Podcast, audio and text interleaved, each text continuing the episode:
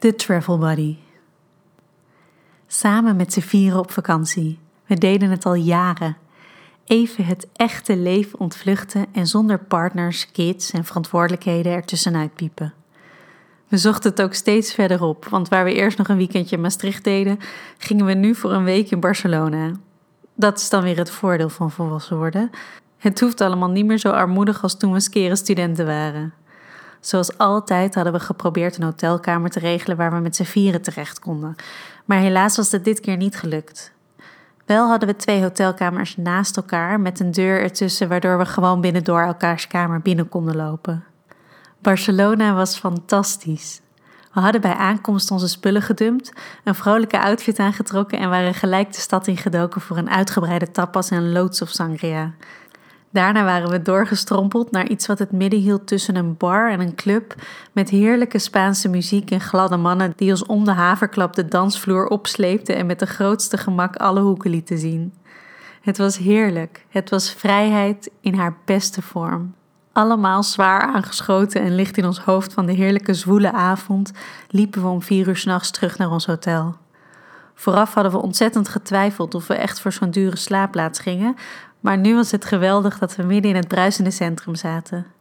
Marits bandje van haar halterjurk was halverwege losgeschoten en ze was de rest van de avond strapless doorgegaan.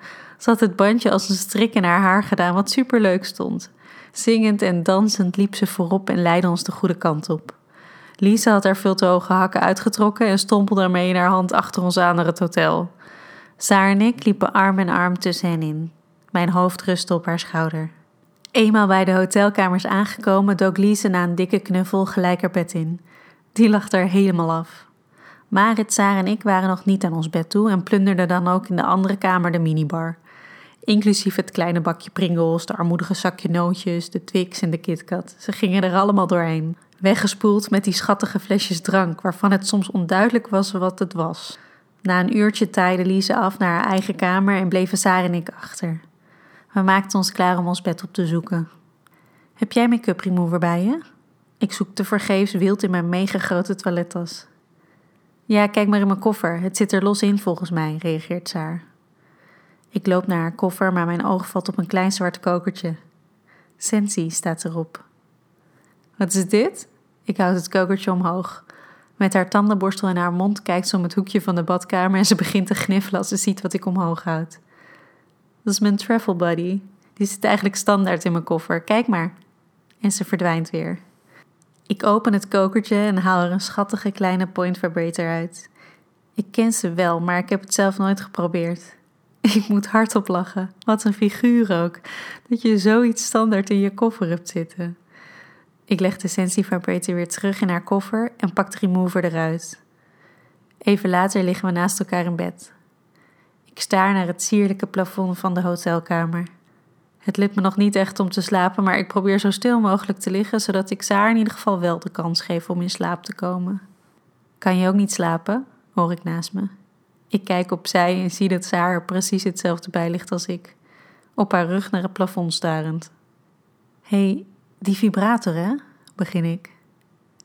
Is dat wat? Ik hoor Saar op haar zij draaien en ik doe hetzelfde. We kijken elkaar aan en ze vraagt: Wil je hem proberen? Ja, antwoord ik. Nu? fluistert ze. Ja, fluister ik terug. Even blijven we elkaar aankijken. De spanning hangt tussen ons in. Dan draait ze zich om om de sensivibrator uit haar koffer te pakken. Ik trek ondertussen mijn shirt en slipje uit. Het gladde laken voelt koud op mijn naakte huid en ik voel mijn stijve tepels er tegenaan prikken. De opwinding giert door mijn lichaam. Saar opent het kokertje en ik wil de vibrator van haar aanpakken, maar ze houdt me tegen.